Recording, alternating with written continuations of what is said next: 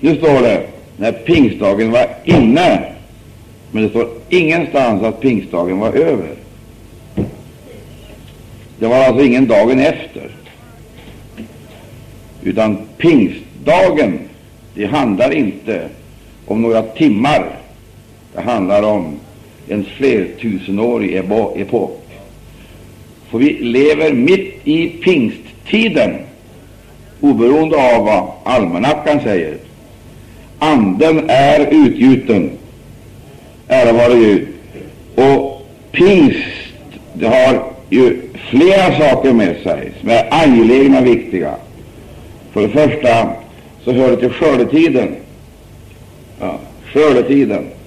Och för det andra så har det ju också andra sidor med sig.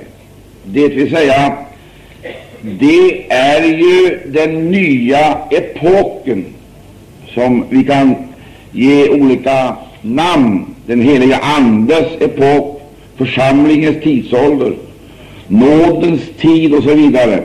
Det finns en hel serie av begrepp som vi förklarar för oss vad som egentligen eh, ryms i detta som sker såsom initialskedet på pingstdagen. Och sen när vi kommer fram, när vi läser rakt igenom de heliga skrifterna och Nya testamentet, kommer fram till eh, den sista boken, Johannes uppenbarelseboken, då verkar det som om hela eh, den hela eh, den här mäktiga manifestationen av Guds härlighet på ett alldeles bestämt sätt alltså eh, på ett alldeles särskilt sätt markerar gränser och skiljer ut kategorier. Man blir så skakad när man läser, när man läser exempelvis sändebreven. Det är sju sändebrev, och det ena, den ena församlingen är inte lik den andra. Där finns det Efesus-skede, där finns det ett eh, Smyrnaskede, där finns det ett Tyatira och Pergamonskede, Där finns det också Sardes, Philadelphia, eller Philadelphia, Sardes och Laodicea. Alltsammans det här. Det ena är liksom inte likt det andra. Och man kan tänka, börja fundera över, vad är då orsaken till att det kan bli så olika resultat? Det är ju en ande som verkar, eller hur? Det är samma ande. Det är samma ande som verkar på pingstens dag och leder fram till detta väldiga resultat. Och den anden förändras ju inte, påverkas inte, utan det är samma ande. Och det är den ande som är verksam i Efesus, det är en ande som är verksam i de olika församlingarna, och då blir resultatet så olika. Utav sju församlingar så är det alltså eh, fem som klandras för mycket viktiga, farliga brister. Det är strängt taget endast två som håller måttet, två församlingar. Och jag säger igen, men det är ju samma ande. Vad är det som gör att skillnaden är så stor exempelvis mellan eh, församlingen i Efesus och församlingen i Philadelphia? Vad är det som har hänt i Laodicea eller i Tyatira? Det är samma ande. Ja, det här är väldigt eh, viktiga frågor.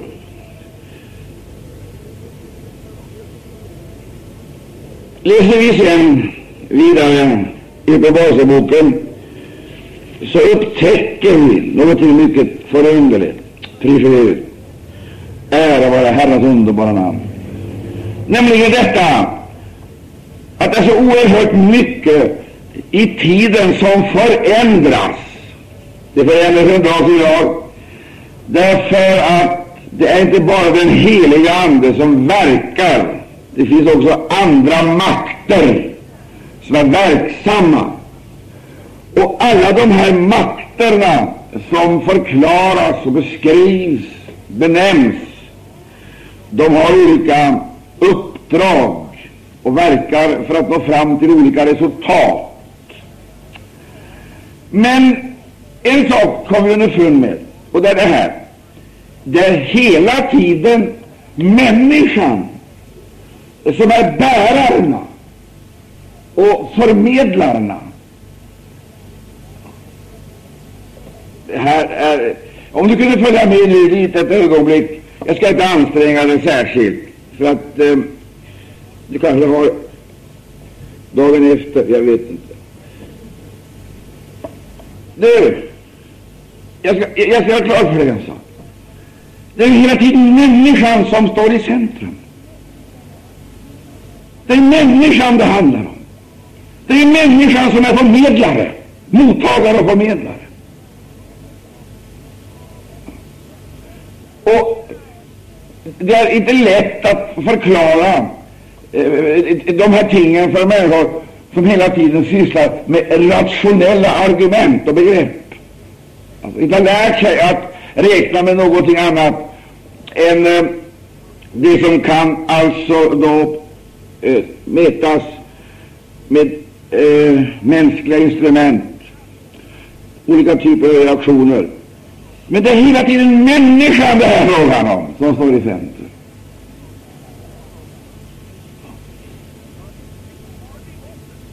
Är människan så intressant? Ja, hon är verkligen intressant. Är människan så medial? Ja, hon är verkligen medial. Och hon förändras. Så när vi exempelvis säger så här, vi talar om de, förändrade tiderna i en förändrad värld.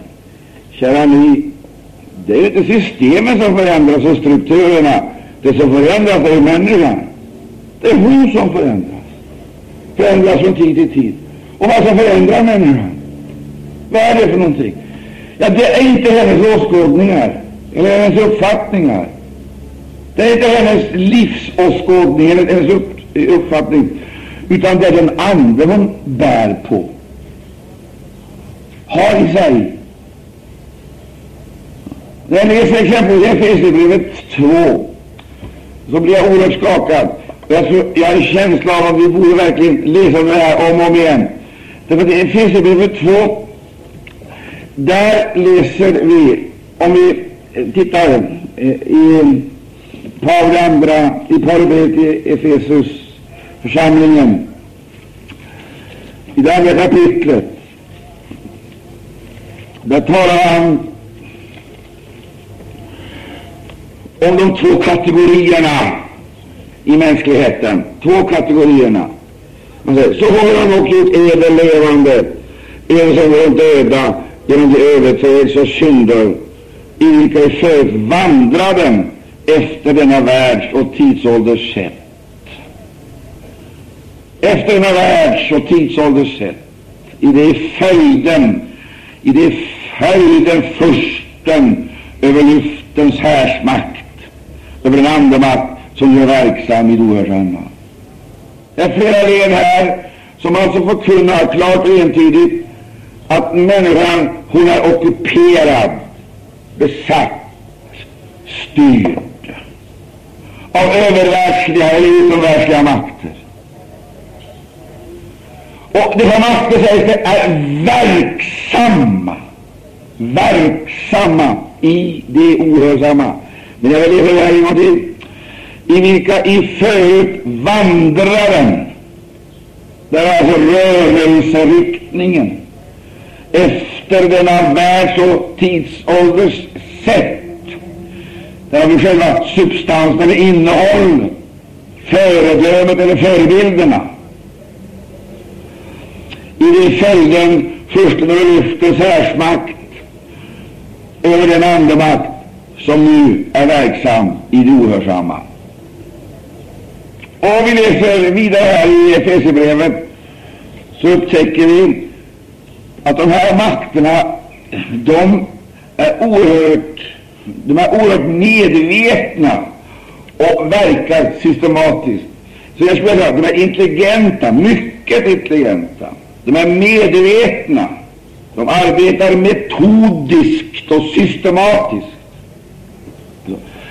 Och de arbetar i människorna för att göra människorna till lämpliga verktyg och redskap. Verktyg och redskap. Och vad är själva målet? Värmor. När jag talar på det här viset så eh, kan det här eh, eh, kännas lite, eh, lite främmande. Men låt oss läsa ytterligare Efesierbrevet 6. Efesierbrevet 6, där säger Paulus så här i den tionde versen. För övrigt blir vi allt starka i Herren och i hans väldiga kraft. Alltså, det är självklart att det är en styrkedemonstration, alltså som är förfärlig och total emellan Guds församling och världen, mellan Guds rike och Satans rike. Och denna styrkedemonstration, den kräver ju att man är rustad för att möta en konkret fiende. För det här är inget symboliskt tal, och det här är heller inga abstraktioner. Det, det här har sin konkretion i vår dagliga, i vårt dagliga livs verklighet. Fiender som är avdelade, organiserade för vitt skilda uppdrag, för individuella insatser eller kollektiva, med bestämda avsikter, förvirra, förvränga, vilseleda, skada. Sammanfattningsvis så finns det verkligt utrymme för vad Jesus säger. Tjuven kommer allenast att stjäla, slakta och förgöra. Men jag har kommit för att ni skulle ha liv och ha övernog. Där har du motsatserna. Det var livets kamp emot dödens krafter. Och då säger han så här, alltså, går Gud, Ikläden eder hela Guds vapenrustning, så att vi kan hålla stånd mot djävulens listiga angrepp.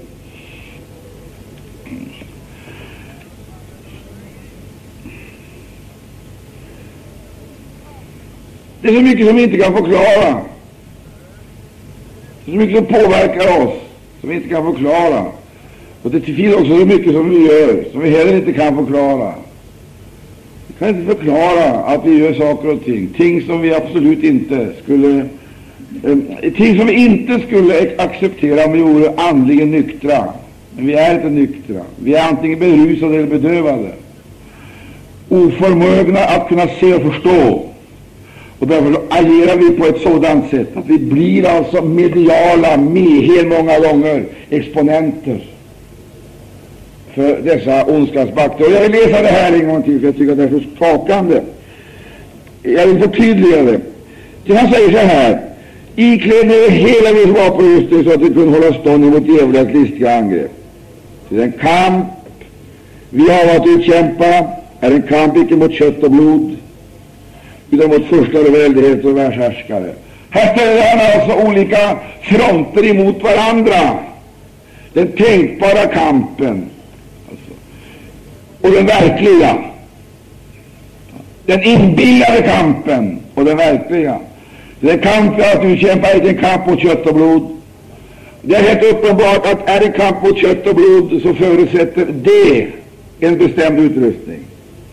Då måste det till den utrustningen som är nödvändig för kampen mot kött och blod. Men vad är då kamp mot kött och blod? Ja, men kära du, kamp mot kött och blod är ingenting annat än kamp mot människor. Begränsade människor. Fysiskt begränsade människor. Men det är icke en kamp mot fysiskt begränsade människor, säger han, utan det är en kamp mot andevarelser. En kamp mot andevarelser. Den kamp att utkämpa är inte en kamp mot kött och blod. Eh, även om människor kan bli hemska, vidriga och vedervärdiga, så är inte det egentligen det, det stora problemet. Det stora problemet det är att dessa människor antingen de ser snälla och rara ut eller elaka och förfärliga ut, är besatta. Till även de snälla är besatta, influerade och styrda utav det som kallas för denna makt som är verksam i det ohörsamma.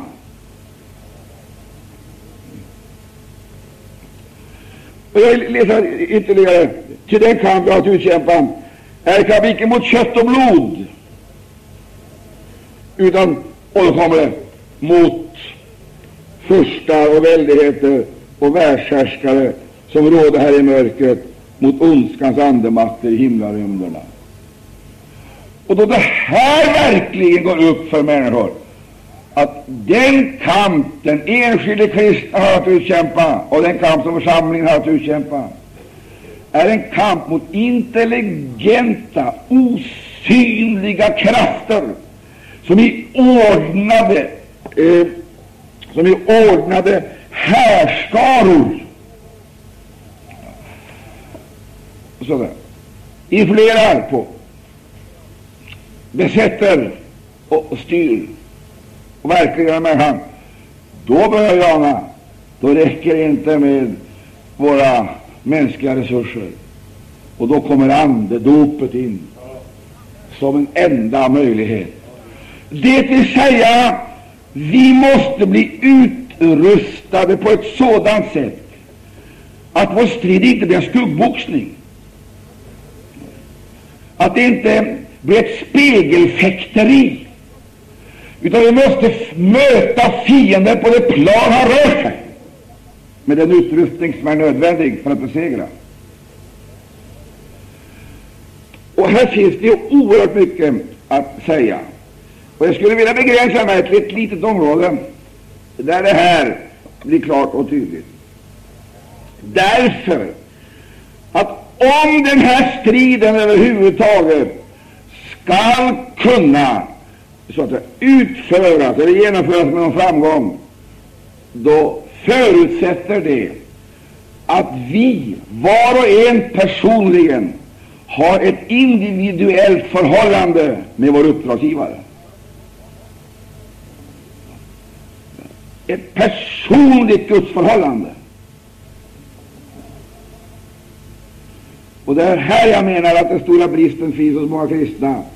De ber till Gud att Herren ska hjälpa dem att klara de dagliga problemen, det vill säga att de ska ha kaffe och socker, bröd och potatis. Och det är självklart, det, det kan låta tarvligt att säga på det här viset då det gäller livets trivialiteter. Det är klart att alltsammans det här är nödvändigt. Det är självklart. Födan är nödvändig, kläder är nödvändigt, det är nödvändigt att äga ett, någonstans att bo. Men detta är definitivt inte, absolut inte, det väsentligaste i tillvaron. Därför, när vi söker Gud, så kan vi många gånger använda oss av andliga vapen för att med dessa andliga vapen försöka skaffa oss rent fysiska eller materiella fördelar. Vi kan till och med i vår, i vår renodlade egoism så kan vi bedja Gud att han ska ge oss saker och ting för att vi ska få det att förslösa.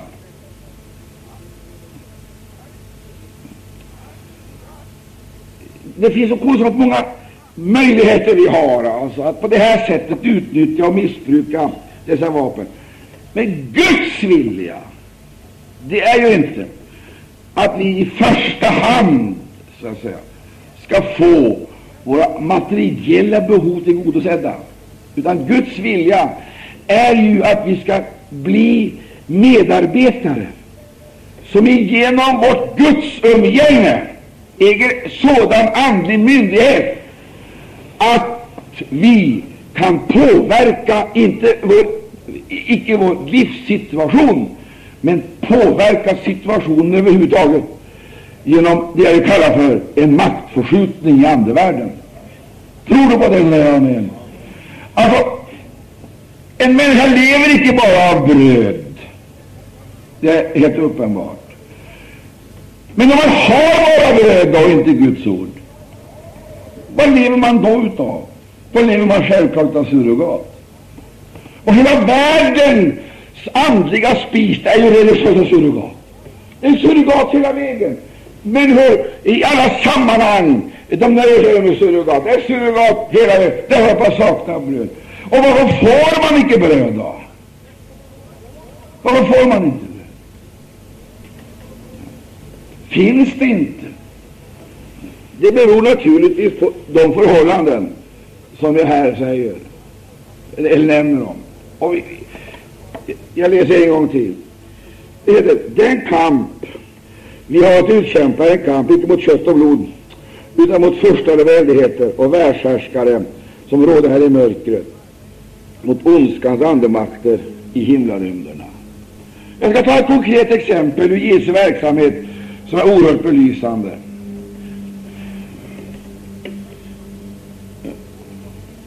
Det gäller kvinnan vid Sykars brunn.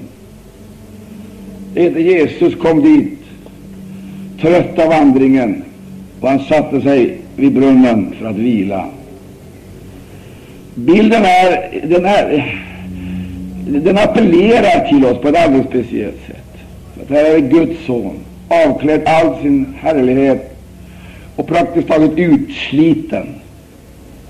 Utsliten i en utgivande tjänst. Vad hade han gjort? Han botade de sjuka. Stämmer det? med amen. Han helade dem som var under Satans våld, står det. Ligger det verkligen? Han helade dem som var under Satans våld. Det var ett väldigt ofint uttryck. Och det är verkligen inte vackert att bli utpekad som besatt. Men han helade dem som var under Satans våld. Alltså, lägger du märke till uttryckssättet? Det är frågan om en våldtäkt. Men det gällde kvinnan eller några andra människor, individer, som var under Satans våld. En förfärlig våldtäkt. Men nu säger Johannes att hela världen är i den ondes våld. Det är alltså en våldtäkt som är förfärlig, eftersom det är frågan om ett totalt grepp över hela världen.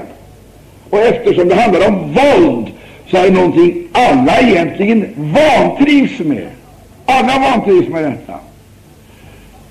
Men det är få eller inga som kan förklara det. Man, man, man känner inte till orsakssammanhangen. Vad är orsaken till det vi ser äga rum i världen? Ja, orsaken är hela världen är i den ondes våld. Och ingen kan frigöra sig från det här dödsgreppet, järngreppet, det totalitära greppet, utan allting det bär prägel och stämpel utav detta förfärliga välde, detta dödsvälde. Gode Gud, gode Gud. Med andra ord så kan vi säga så här, att varenda människa såsom individ är präglad utav den här makten och de här makterna. Bunden i dem.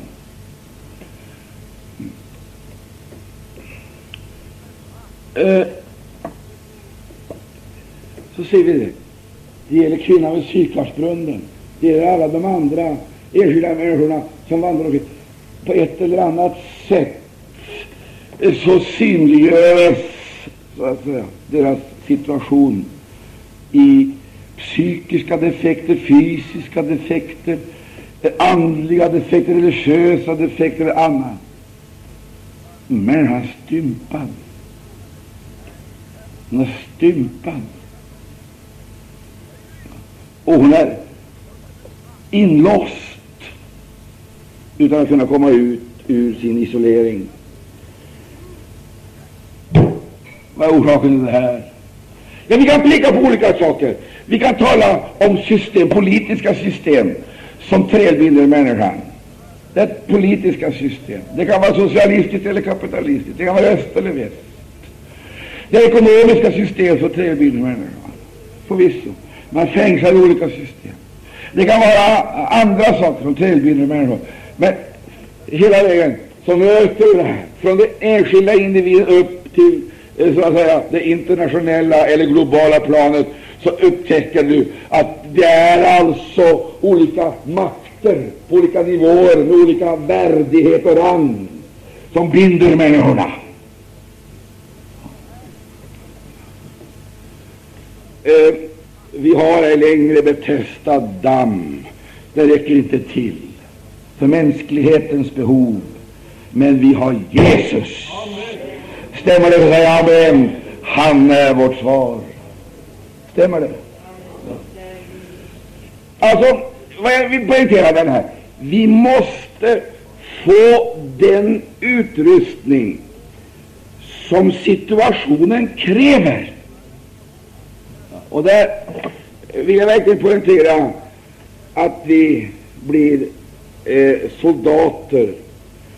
Och då vi läser um, om vad Paulus säger här i sjätte kapitlet, så säger han så här Tagen alltså på eder hela Guds vapenrustning. Eh, om jag ser på er nu, jag tittar på er, vad handlar det om? Det handlar ju om en konfrontation. Det här är ingen parad eller en uppvisning mm, utav gamla tiders eh, uniformer eller vapen. Det är ingen parad. Det är inte. Eh, det här är alltså ingen gala eller föreställning. Det här är en fältrapport. Där är frågan om krigande parter och arméer. Och antingen jag är medveten om det eller inte, så befinner jag mig på någon sida utav den stridande gränsen. Jag kan inte säga jag är neutral. Det är ett spektakel. Det är definitivt inte neutral. Det är inte neutral. Därför att så, som andevarelse så är du influerad, styrd och påverkad och utnyttjad. Det precis lika engagerad som du såsom människa är beroende av luften, samma luft som vi andra här i rummet. Du kan inte säga jag andas inte den luft ni andas. Det kan du inbilla dig. Du kan inte säga jag behöver inte det syre ni behöver eller det vete ni behöver. Och jag behöver heller inte vatten. Du kan prata mycket du vill. Verkligheten är den att du är lika beroende av allt detta. Det är du. Och du måste som alla vi andra hitta en källa att dricka ur. Det måste du. Och du måste hitta, så att säga, någonting att äta också för din själ. Antingen äter du livets ord genom tron, eller så när du din andliga människa med en hel massa surrogat. De surrogat som religionen erbjuder, kulturlivet erbjuder, teatern erbjuder, konsten erbjuder, eller musiken erbjuder. Och då säger vi Hela världen är i den ondes våld. Du får äta det du får, du min vän. Det är sanningen, och det är inte så särskilt mycket. Det kan du se i Lukas 15 om mannen som lämnade faderhemmet. Vad han fick. Det finns ingenting. Men så säger vi har Jesus. Där har du skillnaden. Vi har Jesus. Prisa Gud. Och varför jag betonar det här så starkt här på eftermiddagen idag, det är därför att jag skulle vilja komma fram till Uppenbarelsebokens oerhörda budskap. Och jag tycker det är meningslöst att tala om Uppenbarelseboken om vi inte först får se Jesus. Uppenbarelseboken det är icke en händelseskildring, utan Uppenbarelseboken det är uppenbarelsen av Herren Jesus Kristus. Vad då som segervinnare? Det vill säga, han ska slutföra den seger som påbegyntes på Golgata och som sanktionerades i uppståndelsen och som bevisas i den församling som är uppfylld med hans ande. Halleluja. Ära vare Gud. Du, du kan inbilla dig en massa saker och säga det här angår inte mig. Det kan du hålla på och prata om. Det är rent idiotiskt och vansinnigt. Och det kan jag förstå, därför att det står att den onde alltså har förmörkat människornas förstånd. Förmörkat. Det är alltså frågan om en kvalificerad sinnessjukdom.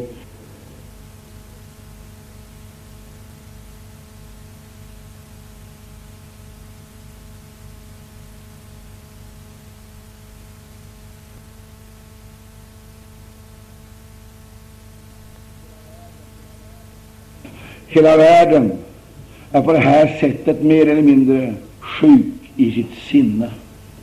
Sjuk, inbilsk och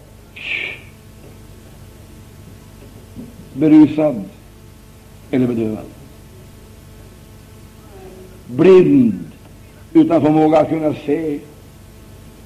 Utan förmåga att se. Det enda man kan se upptäcka, det är sitt lilla ego, jaget, tronen, som jaget så att säga härskar utifrån. Man är jag-centrerad. Så kommer den heliga Ande, halleluja, och sparkar undan grunden för vår trygghet. Sparkar undan grunden för våra existentiella, eh, eh, existentiella eh, krav. Då står vi där.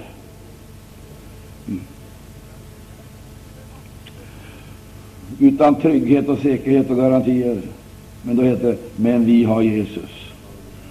Är det bra för dig att säga Amen? Vi har Jesus. Han är vårt svar. Eh, jag vill inte sluta här riktigt ännu. Bara några minuter till. Vi har tagit uppmärksamhet till många. Och det heter Tagen alltså på eder. Ja, vi lever. Ty en kamp jag att utkämpa är en kamp inte mot kött och blod, utan mot förstare väldigheter och världshärskare som råder här i mörkret. Det vill säga, han konstaterar inte närvaron av de här makterna. Det nöjer han sig inte med. Han kunde bara ha sagt att de existerar och de finns. De existerar, de finns. Och de är alltså eh, frågan uppdelade i häravdelningar med bestämda uppdrag, bestämda syften. Men den kamp i havet att utkämpa. däremot dessa makter. Och det är den kampen som aldrig får upphöra. Det är där vi aldrig har fått något som helst uppdrag att upprätta något fredsfördrag eller inleda några fredsförhandlingar. Risken är alltid den att kristenheten istället eh, för att uppfatta evangelium som en mobiliseringsorder har gjort det eh, till ett fredsfördrag, fredsfördrag mot ondskans makter. Och så helt plötsligt så kommer Herren Jesus Kristus uppenbara sig i några få människor och så förklarar dessa att Gud ger seger genom få lika väl som genom många. Därför att det är inte kött och blod, det är inte statistik och numerär. Det är inte ekonomi, administration och organisation det handlar om. Det handlar om ande och den ande som är i oss, om vi kunde få in det i människorna, den är starkare än den ande som är i världen. Tror du på det? Säger Den ande som är i oss, ja, den ande som går på pingstdagen, och som heter inte, när sedan pingstdagen var över, gick alla hem och fortsatte sitt ordinarie och regelbundna liv och anpassade sig till det förflutna. Nej, det står ingenstans att pingstdagen var över. Och apostlagärningarna har ingen epilog, ingen avslutning. Apostlagärningarna fortsätter från dag till dag, ända till dess att Herren Jesus Kristus själv avblåser striden och vi alla hemförlovas i härlighet. Och jag vill verkligen stanna inför det här en gång till, därför att den ansvärjer i oss. För att det är nämligen på det här sättet att det är denna Andes signaler som kommer att verka förenande eller söndrande. Förstår du vad jag säger nu? Om nu, så att säga, eh, det inte är klara signaler som ges, vem gör sig då redo till strid? Förstår du? För det första så måste man ta emot Anden. Så måste man bli känslig för Andens uppenbarelse. Och så måste man lära sig att urskilja vad som är Andens signaler och vad som är andra signaler. Därför att det finns signaler som vill samla och mobilisera omkring idéer, omkring läror, doktriner och så vidare. Vill samla skarorna för olika ting, till och med för karismatiska upplevelser. Men vi måste bli känsliga så vi kan höra signalerna då det är Anden som samlar till strid. Vilket kommer ditt folk när du kallar din här. Eh, vi ska göra klart för oss det är Anden det är frågan om. Och det är frågan om vad Gud gör. Och hur kan vi då veta att det verkligen är dessa Andens signaler som samlar till strid? Jo, denna ande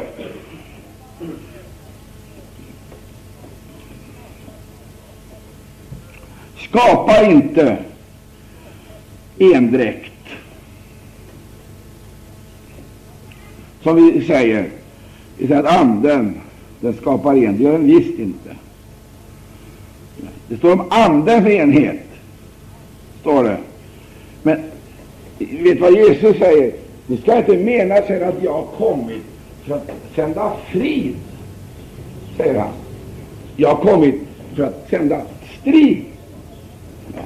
Och så talar han om de mest intima, alltså de mest intima band som förenar människor. Det är banden mellan så att säga, familjemedlemmar, föräldrar, makar, syskon. Jag har inte kommit för att sända frid, jag har kommit för att sända strid. Och då talar de om svärdet som ska skilja. Och då frågar man sig, vad är det Jesus vill ha sagt med det här? Vad är det Jesus vill ha sagt med det här? Jag blir så gripen när jag tänker på det, därför att jag tror jag har förstått så oändligt lite av det. Jag är bedrövad över att vi är så okunniga och att vi är, hyt, att vi är hytliga. Att vi är hytliga. Ja. Du förstår, det här ligger det förstår du, en oerhörd hemlighet, där Jesus säger att han har icke kommit för att sända frid. Gud vill ha ett folk som bär hans namn. Icke sant? Stämmer det? Där? Amen. Men han är självklart inte ointresserad av detta folks kvaliteter. Kvaliteter. Och han är självklart inte ointresserad utav detta folks eh, detta folks framtoning och framträdande. Låt mig ta ett exempel. Du förstår, när vi träder fram inför världen, vad gör vi då? Vi är inte ute i en religiös aktivitet. Man får, vilka aktiviteter har ni? Och så räknar man upp olika aktiviteter. Men de där aktiviteterna kan motverka själva syftet. Därför att det är alltså religiösa aktiviteter, men det stannar vid det. När vi träder fram inför världen, så får vi inte träda fram inför världen så att säga, med religiösa aktiviteter som ligger i paritet med andra profana auktoriteter som människor på det sättet känner igen och möjligen kan identifiera sig med. Ty den människa finns ju inte som inte har någonting utav känslor i sitt bröst Du kan ju vädja till olika känslor. Moderkänslan exempelvis, Gud som haver barnen kär. Va? Eller du kan vända, vädja andra känslor. Fosterlandskänslor och så vidare, och du får människor engagerade. Därför att det är någonting som de bejakar. De bejakar. De bejakar familjen, de bejakar fosterlandet, de bejakar de här sakerna. Och de är redo att satsa sig själv för att skydda, försvara och bevara hemmet, familjen, fosterlandet, försvaret och så vidare. Sin demokrati och sin frihet. Och vi kan sätta in våra resurser för att så att säga bygga upp de här sakerna, befästa de här sakerna. Men det är inte församlingens uppgift. Det är inte församlingens uppgift. Det är det inte. Utan när vi träder fram, då träder vi fram ett helt annat ärende. Ett helt annat ärende. Och det ärendet är egentligen så fruktansvärt. Det är så fruktansvärt så vi behöver vara försiktiga att vi inte missbrukar så att säga, bibelorden och gör skenet av att vi har myndigheter som vi saknar. Vår uppgift det är inte att förvärva proselyter. Det måste till en ande som är så stark så att den är överbevisande.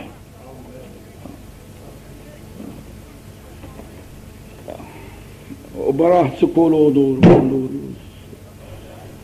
Halleluja. Det gäller dig också, och det gäller dig, och det gäller dig, och det gäller dig, och det gäller dig, och det gäller dig. Ska vi träda fram, då måste vi vara fyllda av en ande som är överbevisande. Den anden gör oss aldrig starka, säkra, tuffa. Den gör oss ödmjuka, förkrossade och nästan hjälplösa. Men just i denna eh, paradox av motsatser, svaghet och kraft, så bevisas det det här är inte tränat, det här är inte övat, det här är inte utbildat, det här är Guds kraft. Tror du det, så säger jag. med. det här är Guds kraft. För det här är alltså inte, det här är inte konst och teknik.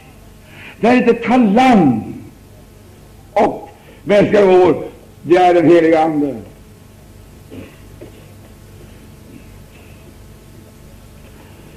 Det är fruktansvärt angeläget, detta. Tänk om jag kunde få se era ansikten allesammans. Titta upp du också. Se upp hit, så är det bussig. Var med här i mötet. Min kära vän, låt mig göra det klart för dig att det här är fruktansvärt angeläget. Mycket angeläget. För att, för att om vi har många, många möten, kraftfulla möten, så lider vi ständiga psykologiska nederlag och tröttar ut oss själva. Och till sist, så inte bara övervinnes vi eller besegras mentalt, för det där ligger det blir en påfrestning, mental påfrestning. Tron påverkas givetvis inte, men det blir en mental utmattning, en nötning. Vi måste få den ande som är nödvändig för att vi överhuvudtaget ska kunna behålla fronten. Det är det första. Och så måste vi få den erövrarande som gör det möjligt för oss att erövra nya områden. Och då kommer vi till nästa moment. Ja. Då står det så här. Då står det mot förstare väldigheter och eh, härs, världshärskare som råder här i mörkret mot ondskans andemakter i himlarymderna. Eh, låt mig till sist få förklara för dig att, eh, att de här makterna de verkar eh, så att om de blir störda, om de blir störda eller irriterade, så samlar de sig till motattacker. Och vi har exemplet med Skevas söner som kom och sa så här. De sa så här. I det namn Paulus predikar så bjuder vi. Ser du, Man kan aldrig gå på andras erfarenheter, andras upplevelser, andras utrustning. Man måste få en egen utrustning. Och så får man heller aldrig ge sig på andras områden. Andras områden. Utan man får vara trogen i det område Gud har gett. Och det får man bevaka. Det får man bevaka. Man måste bevaka det lilla området man har fått. Till dess att tiden är inne då man kan inta nya områden. Och där får man inte göra, eh, eh, eh, låta sig ledas och förledas av tillfälliga vindkast eller impulser. Utan därför signalerna, man måste höra andens signaler. När anden kallar till strid, när anden kallar till högtid, när anden kallar till fronten, när anden kallar till fest. Man måste lära känna, sig igen, känna igen andens signaler, andens budskap, andens avsikter, andens planer. Bli ett och förtrogen med dem. Då kommer vi att vara med om en förunderlig strategi. Ja, halleluja. En gudomlig strategi, därför att universums förnämsta strategi är trots allt den heliga Ande.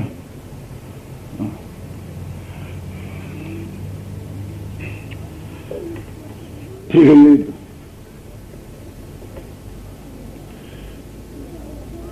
I det här som jag har talat ligger det väldiga hemligheter. Och jag har en känsla av att du, du, du manar fram ett behov av större klarhet på det här området. Den klarheten får vi genom ett fördjupat bibelstudium, men också genom ett innerligare böneliv, genom ett förtroligare umgänge med Herren Jesus Kristus. Pris Gud. Ty om det var nödvändigt att uppleva Andens dop och andens, göra Andens erfarenheter i den första tiden, så är det så mycket mer angeläget att uppleva denna uppfyllelse i denna tid. Så att inte vi förgriper oss på Guds verk utan att vi kan ledas av Guds ande in i de funktioner Herren har kallat oss att vara i. Och till sist, i eh, eh, Uppenbarelseboken, eh, där sa jag att det finns ju sju församlingar i mindre Asien med bara en ande. Och då tycker vi att resultatet är så oerhört olika. Det finns ingen, det finns ingen jämförelse mellan situationen i Efesus och sådan var i Laodicea. Vad beror det på? Är det Andens verk? Visst inte. Vad är det som har skett? Församlingen i Efesus har undergått en förändring. I Pergamus har undergått en förändring. Och istället för att bli Kristuslik så har de blivit Efesuslik. Pergamuslik det vill säga, istället för att Tyatira församlingen hade makt över den, eh, hade Eh, seger över den andevärld som rådde i Thyatira, så hade den ande infiltrerat församlingen. Och när den ande kom in i församlingen, så synliggjordes omedelbart i gemenskapen företeelser och fenomen som icke hörde Guds rike till, eller församlingen till, men som var typiska för Efesus och Pergamus, tillåtna och erkända, normaliserade och kanske till och med eftertraktade som utslag av framgångsrik kultur eller religion. Det var alltså en integrering utav efesuska, eh, Pergamus element som hade kommit in och så att säga fått fäste i församlingen. Och syskon, är det inte här själva problemet ligger? Av fruktan för att vara för annorlunda, av fruktan att vara för radikal, att frukt, av fruktan för att vara för andesmord, så anpassar vi oss en liten aning. Och när vi anpassar oss en liten aning då tänker vi inte på att vi samtidigt släpper in en del av den ande som härskar i vår omgivning. Så blir vi influerade av tidsandan. Och då märker man det i möteslivet. Man märker det i eh, visionen. Man märker det i klädkulturen, i musikkulturen, i tillbedjan. Det är den här tidsandan som smyger sig in, därför att vi är ängsliga för att vara för radikala. Det är väl ditt problem, och det är ju ditt problem, och det är mitt problem. Därför att vi vill inte bli stämplade som fanatiker, svärmare, sekterister. För att det finns liksom ingenting värre än att bli stämplad som fanatiker, sekterist. Han man stämplad som sådan, då är man hopplös liksom för den allmänna debatten eller för att man överhuvudtaget ska kunna lyssna. Och vi är rädda för att människor ska stämpla oss som alldeles för avvikande med avseende på uppfostran av barnen. Uppfostran av barnen. Med avseende på en hel del andra frågor. Vår syn exempelvis på stat, samhälle, skola och allt det. Vi är så rädda för att eh, man ska missuppfatta oss eller eh, så att säga inte förstå våra goda avsikter. Och istället då för att hålla fronten emot makterna som vill att vi ska anpassa oss, så kompromissar vi och så får vi frid med människor, men samtidigt en del av den ande som behärskar dem, den sfär de lever i. Så öppnar vi på två plan för omgivningen, dels ideologiskt genom deras filosofi, och dels andemässigt genom att vi tar emot den ande som behärskar deras sfär.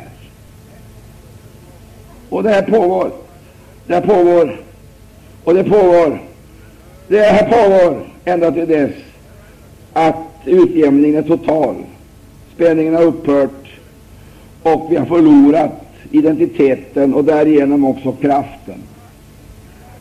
Den kraft som gjorde att vi kunde med frimodighet träda fram, icke för att profilera oss själva, men för att förkroppsliga budskapet.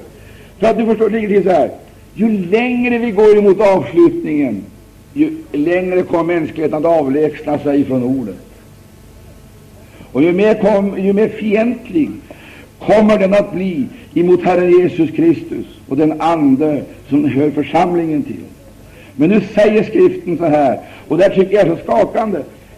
Jag tycker det är så skakande att Bibeln att församlingen, det är sanningens grundfästa och stödjepelare.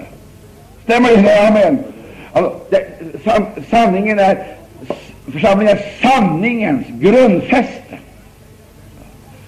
Och om nu församlingen korrumperas, vittnena korrumperas, så att de dagtingar, så att säga, och kompromissar, så förlorar de sin, inte bara struktur och profil, de förlorar sin identitet, och de blir kluvna. Och vi har Matteus 24 som ett faktum. Den tjänaren eh, som istället för att ge eh, mat i rätt tid börjar och orientera sig i en bestämd riktning eh, för att tillgodose sina egna sociala krav och behov. Och istället eh, för att ge mat, så heter det att han slår sina medtjänare. Men när han kommer, som är hans herre, då kommer han att avslöja det här och säga hugg honom i stycken. Det vill säga, låt hans kluvenhet bli uppenbar. Den kluvenhet som han har haft i sin tjänst, den avslöjas och blir uppenbar. Men så står det vidare då skall det vara med himmelriket såsom med tio jungfrur. Då! Orsaken till att eh, skaran är kluven, det beror på att Herrens tjänare är kluven. Och kluvenheten i Herrens tjänare, den slår igenom i skaran, som delas då i fem förståndiga och fem oförståndiga. Därför att de underlät att göra någonting, de försummade någonting. Förmodligen därför att de inte blev påminda om det tillräckligt allvarligt. Med andra ord, budskapet förändras, personen förändras, budskapet förändras. Eh, skärpan förändras, kravet förändras. Budskapet blir tvetydigt. Budskapet förlorar alltså på det sättet sin genomslagskraft och når inte fram. Fem var förståndiga, fem oförståndiga. När uppenbaras det? Det uppenbaras när brudgummen kommer. Och det är skakande. Är det inte på det här sättet att vi allesammans ska nå brudgummen? Är det det vi längtar efter, så säger amen. Vi vill se honom. Men då räcker det inte så nu, ens att vi tar olja med oss i lampan, i bekännelsen. Utan då måste vi ha överflödslivet, det dolda sammanhanget, det dolda livet, den kraft som gör oss till segervinnare i vår vardag, som förenar oss omkring detta stora och väsentliga. Han kommer. Och vid middagstiden heter det, gör ett anskri, se brudgummen kommer. Tror att han kommer. Snart är han här, snart är han här, snart kommer Jesus igen. Med andra ord har jag sagt, vad vi behöver göra. Vi behöver bli fyllda med den heliga Ande för att avslöja och känna igen andemakterna. Avslöja och känna igen dem, driva tillbaka dem. Sen i kampen mot dem, aldrig retirera, aldrig gå in på deras kompromisser, aldrig göra sin dialog, utan ständigt befalla i Herre Jesu Kristi namn. Och för att kunna göra det måste vi ta på oss hela den vapenrustning som är lovad oss i Guds ord.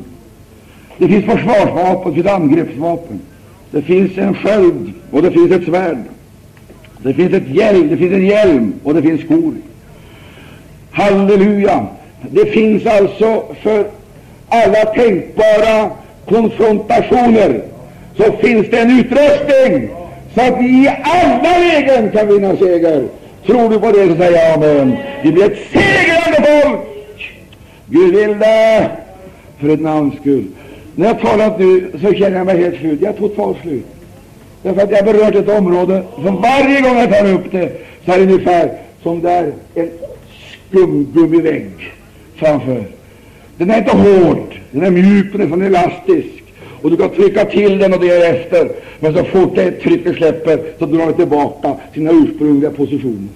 Och så är man där igen. Men Gud vill att vi ska få bort det hindret och komma igenom det här plastmotståndet, den religiösa plasten, den här religiöst konstlade, teatraliska, tillgjorda verkligheten, för att se sanningen som det är och konfronteras med fienden på det plan där den finns. Icke för konfrontationens skull, men för maktförskjutningens skull. Vi vill vara med om en maktförskjutning i andevärlden, ett jordskred, halleluja, som förskjuter hela maktbalansen. Och det så säga, börjar gunga, börjar gunga på samma sätt som Filip i fängelse. Det börjar gunga, festerna börjar gunga. Åh, brasidi gondolorio. Åh, jag fröjdar mig i den heliga Ande på profetiskt vis. Eja, att vi vore där. I anden är jag redan där. Det är bara det att det gäller att få kroppen och köttet med också in i den här verkligheten så att vi inte luras av alla de här rapporterna som säger signaler som säger att det är så svåra tider. Och nu är människor så annorlunda, så nu går det inte längre med gamla metoder. Nu går det inte med den gamla beprövade bönevägen längre. Och då räcker inte vapnen längre till. Skölden och hjälmen och, och, och, och, och skorna. Eh, det räcker inte längre. Nu måste vi ha moderna saker och så tillgriper vi då atom och kärnvapen. Som om det skulle handla alltså om sådana oerhörda konfrontationer. Du förstår, det är inte där ute, där uppe. Det är här kampen utkämpas. Här. Och det är inte genom experter, religiösa experter. Det är genom varje man och kvinna som låter sig inrolleras och utrustas i den armé som Herre Jesus Kristus till general och fältherre. Ta emot mobiliseringsordern. Gå in under fanan. Ställ dig till hans förfogande. Börja där du ska börja, i bön till Gud. Börja bedja. Börja ropa. Bönen är inte uttryck för fysisk styrka. Bönen är uttryck för hjälplöshet. Men var medveten om att du som änkan har en förfärlig fiende, en motståndare. Men kom ihåg, du har också en domare som är starkare än alla dina fiender. Gå till honom. Bibeln säger klappa, slå, slå, slå, vädja, ropa. Till sist så ska du se att dörrarna öppnar sig, för det finns en dörr öppen in i himlen, säger skriften, Uppenbarelseboken. Använd den genom att slå, ropa, befalla genom dina böner, och han ska ge dig svar. Tror du det? För Jesus skull. Väckelsen är här. Det första steget till denna väckelse det är att vi hör signalen, går in i rustningskammaren och sedan förbereder oss för konfrontation i närkampen med djävulen för att frigöra de bundna och sätta dem plågade frihet. Herren är här. Ta emot budskapet för Jesus skull. Det är ditt. Dina möjligheter genom Jesus Kristus. Amen. Amen. Vi tackar dig, kära Herre Jesus Kristus, för att du har gett oss en sån underbar undervisning i ditt eget ord. Herre, du är här mitt ibland oss, kära Herre Jesus Kristus. Du vet hur svaga och eländiga vi är, hur hjälplösa vi är. Men du har gett oss den heliga Ande, kära Herre Jesus, som icke är fruktans ande, icke är träldomens ande, men som är barnaskapets ande, frimodighetens ande och tuktighetens ande. Herre, hjälp oss då i fortsättningen att vi inte låter oss styras av tidsandan, av modevindarna och nyckerna, vare sig på det religiösa eller andra områden, utan med fasthet kan följa dig på trons och lydnadens väg i denna tid. Du vill använda oss